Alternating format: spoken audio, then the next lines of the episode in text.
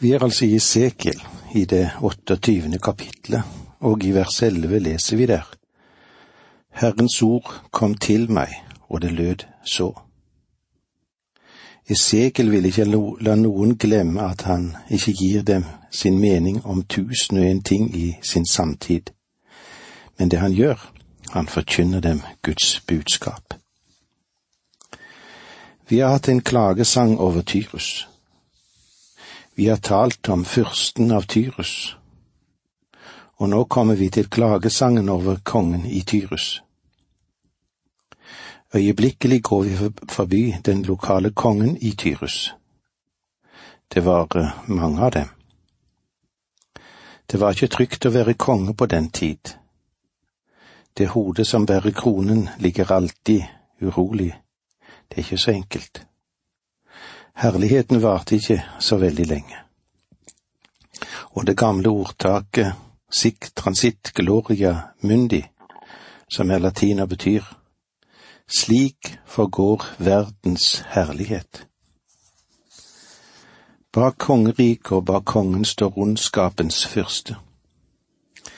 I Esekiel 28 er et av de få avsnittene i Guds ord som sier noe om djevelens og den ondes opprinnelse og jeg vil ikke presse dette avsnittet for hardt, men les nå omtenksomt disse ordene. Vi leser vers tolv i kapittel 28. Menneske, stem i en klagesang over kongen av Tyrus, og si til ham, så sier Herren Gud, du var fullkommenhetens seil, full av visdom og skjønnhet. Satan var den viseste skapning som Gud hadde skapt. Ber i minne om at Satan er en skapelse. Husk det. Han ble skapt fullkommen i skjønnhet. Om du tror at Satan er en skapning med horn, hale og med en hestehov, så tar du feil.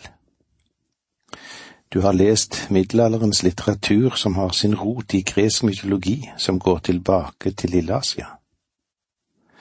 Det var et stort tempel for Apollo i Bergmen. Det var også et i Korint og et i Efesos. Dette bare for å nevne noen. Dette er en beskrivelse av guden Pran, eller Bakkus, nytelsens gud. Han har horn. Han løper gjennom vingårdene. Han er druens og vinens gud. Fra liv og ned er han formet som en geit. Skapningen med horn, hale og hestehov kommer fra gresk mytologi, det. Guds ord presenterer ikke Satan på denne måten. Bibelen fremstiller ham som en fullkommen skjønnhet. Om du kunne ha sett ham, ville du ha oppdaget han er en av de vakreste skapninger som du noen gang har sett. Paulus har noe å si om de som tjener Satan. Disse er falske apostler, troløse arbeidere som opptrer som om de var Kristi apostler. Det er ikke noe til å undres over, for selv Satan skaper seg om til lysets engel.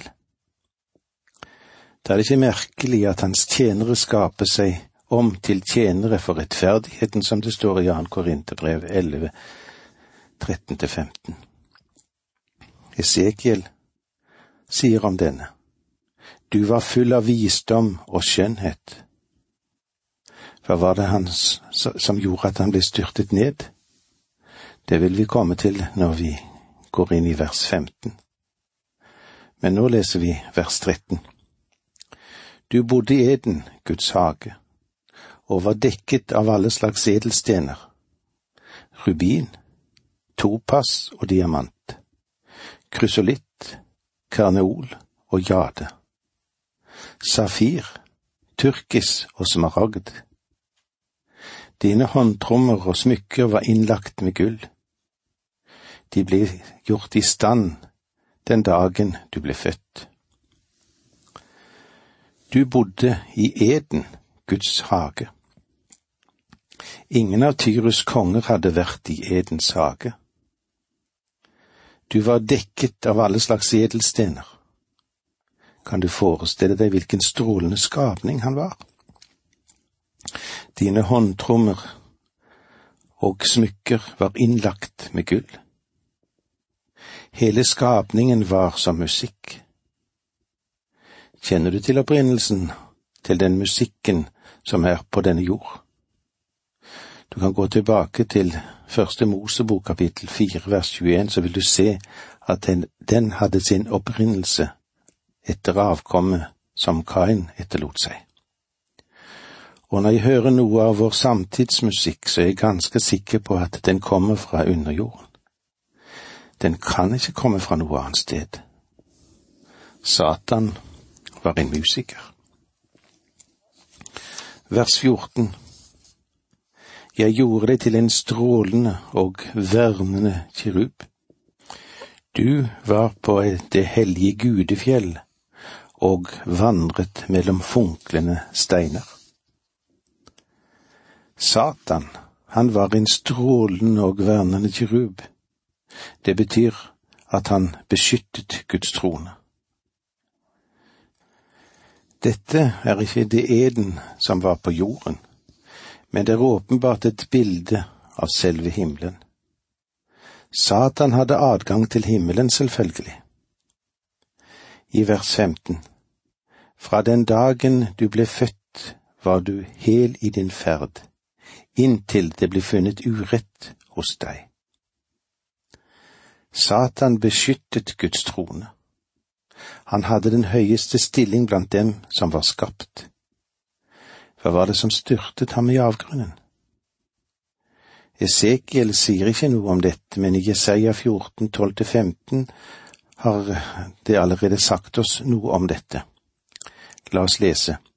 Å, at du er falt fra himmelen, du morgenstjerne, daggryets sønn, at du er slengt til jorden, du som seiret over folkeslag.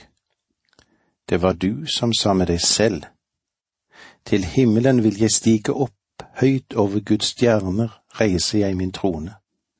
Jeg tar plass på tingfjellet lengst i nord.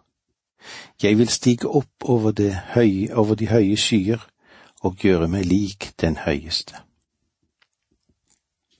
Nei, til dødsriket er du støtt ned, lengst ned i den dype hulen. Det som styrtet ham ned, var hovmod. Satan ønsket å løfte opp sin trone. Han ønsket å skille seg fra Gud, og ønsket å være Gud. Han gjorde opprør mot Gud. La meg få si dette. Er du en av de hellige dag som tror at du kan forstå alt, at du har nådd full modenhet, og at du har plassert deg selv som mål på åndelighet, så husk nå endelig på at Satan var lysets engel. Han var fullkommen, men han falt. Og når han falt, hva kan det ikke skje med deg? Med meg? Vi er jo bare noen skrøpelige mennesker. Gud kan ikke tolerere opprør, så hva vil han gjøre? Vers 16 Din store handel førte med seg at du ble fylt av vold og begynte å synde. Da støtte jeg deg bort fra gudefjellet og gjorde ende på deg. Du vernede kirub mellom funklende steiner. Satan vil bli dømt for sin synd. Han er bare en skapning. Jeg vet ikke hvordan du tar det, men for meg er det en trøst. Ærlig talt vil jeg aldri være i stand til å kunne overvinne han. Han vil lett kunne knekke meg, og derfor er jeg takknemlig for at Gud vil ta hånd om ham. Og det var så langt vi kom i dag. Takk for nå, må Gud være med deg. Dette undervisningsprogrammet består av to deler. Åge Nevland fortsetter nå med andre del av dagens undervisning. Vi er i profeten Esekiel og eh, vi ser på og eh, tar til oss det som Gud har å si oss gjennom denne mektige profet, og i dag er det dom over Tyrus som vi holder på med. Dommen over Tyrus. Satan og den måten som han vil virke på, og hans listige angrep på oss små menneskekryp. I vers 17 i Esekiel 28 leser vi slik. Din skjønnhet gjorde deg hovmodig, og fordi du var så strålende forspilte du din visdom. Da kastet jeg deg til jorden og overga deg til konger, så de kunne se på deg med skadefryd. Din skjønnhet gjorde deg hovmodig, selve grunnsynden. Fordi du var strålende, forspilte du din visdom. Det er kanskje ikke så merkelig likevel at Salomo, den viseste blant mennesker, ofte spilte dårens rolle. Og her møter vi altså den høyeste skapning Gud noensinne har skapt, fullkommen, fylt av alt som kunne læres, ble en dåre. Guds barn kan gjøre det samme også i dag. Da kastet jeg deg til jorden og overga deg til konger, så de kunne se på deg med skadefryd. Gud, ja, Gud skal en dag stille Satan til skue som den narr han er. Vers 19 Alle blant folkene som kjente deg, grøsset ved synet av deg. Du er blitt til skrekk og gru, og borte er du for alltid. En gang i fremtiden skal Gud gjøre seg av med Satan i sitt univers. Og vi ber om at den dagen må komme. I versene 20 til 24 forkynnes dom over Sidon, men ikke en fullstendig ødeleggelse.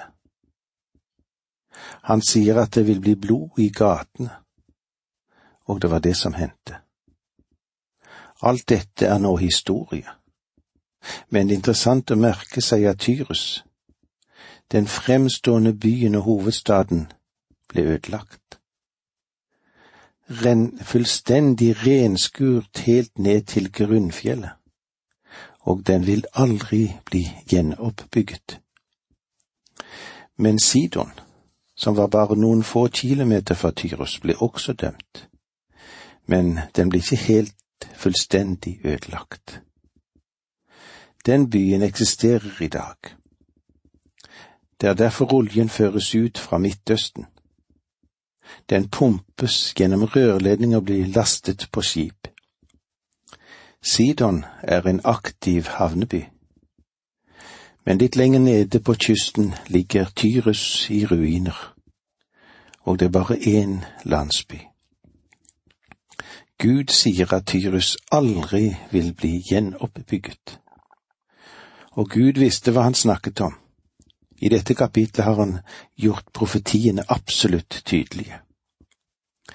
Tyrus ville bli ødelagt og aldri gjenoppbygget. Sidon ville bli dømt, men ikke bli ødelagt. I dag, omtrent 2500 år etter at Tyrus er borte, så lever Sidon videre. La oss lese versene 25 og 26 i kapittel 28 i Esekiel. Så sier Herren Gud, når jeg samler israelittene fra de folkene de er spredt iblant, vil jeg åpenbare min hellighet blant dem for øynene på andre folk, på de andre folkene. De skal få bo i sitt land, det som jeg gav min tjener Jakob. Ja, der skal de bo i trygghet, bygge hus og plante vingårder. De skal bo trygt, mens jeg holder dom over alle grannefolkene som forakter dem. Da skal de sanne at jeg er Herren deres Gud. Gud sier, Jeg har til hensikt å samle Israel igjen. Satan kan ikke ødelegge hans plan, og eh, han kan heller ikke ødelegge programmet som gjelder israelsfolket. Og heller ingen teologer kan forstyrre Guds plan med Israel for å gi landet tilbake i fred. En årsak til at mange teologer blir trodd når de sier at Gud er ferdig med dette israelsfolket, er at Guds folk er ikke kjent verken med Jesaja, Jeremia, Esekiel, Daniel og de mindre profetene. Selve temaet for alle disse profet, profetene er at Gud ikke er ferdig med Israel som folk.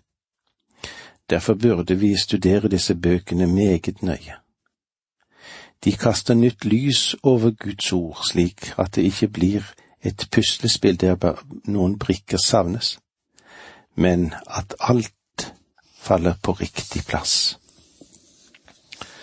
Det var det vi hadde med oss fra kapittel 28 vi går nå over i kapittel 29. Her vil vi stoppe opp for profetien mot Egypt. Mange konservative kommentatorer innetar en, den holdningen at profetien angående Egypt er av større interesse enn det som angår Tyrus.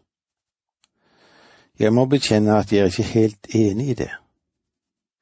Profetiene angående Tyrus er helt ekstraordinære.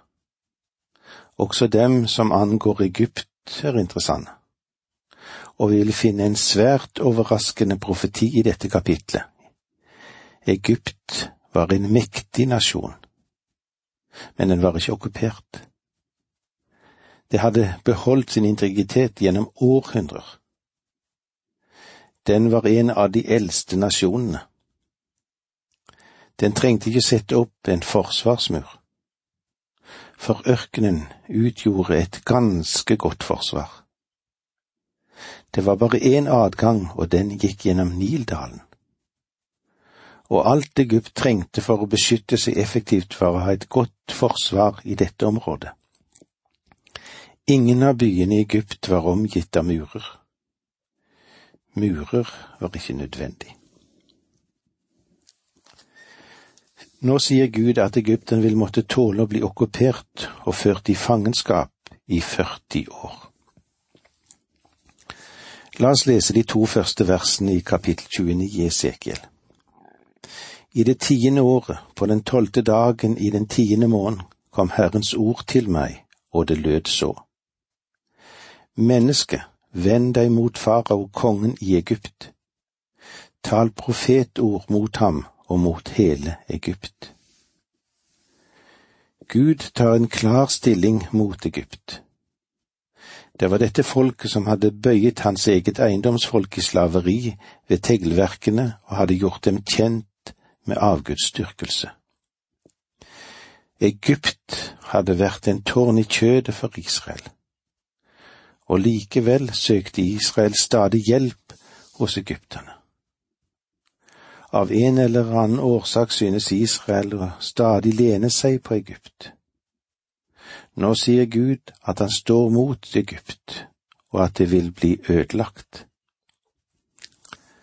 Vers tre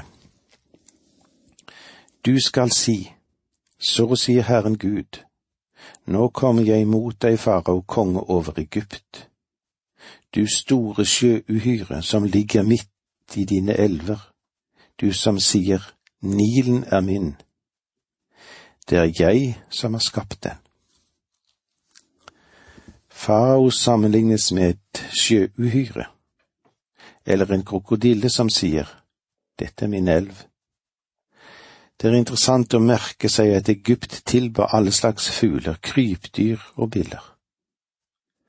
La meg igjen få minne om at plagene mot Egypt, slik som vi ser de i annen Mosebok var rettet mot de gudene som egypterne tilba. Jeg tror at på tross av alvor i de fryktelige plagene, så åpenbarer de også at Gud må ha en god humor. Tenk deg å tilbe Hekar, gudinnen med froskehode, og så vokse opp en morgen og oppdage et soveværelse var fylt av frosker? Hva skal de gjøre? Skal du begynne å ta livet av din gudinne? Jeg tror Herren må ha smilt litt av denne situasjonen som oppsto. Den farao som nevnes her er farao Hofra, også kalt Apries på gresk. Han eh, var barnebarn av farao Neko, han som nedkjempet judakongen Josia ved Megiddo. Josia mistet jo også livet i det slaget. Kongene Jojakim, Jojakin og Sidkia vendte seg alle til farao Hofra da Jerusalem ble beleiret. Egypterherren kom. De dro gjennom Fønika og tvang kalderene til å løfte beleiringen av Jerusalem. Profeten Jeremia forkynte dom over farao, og det vil vi komme inn på når vi møtes igjen neste gang. Det var så langt vi kom i dag. Må så Guds nåde og fred være med deg.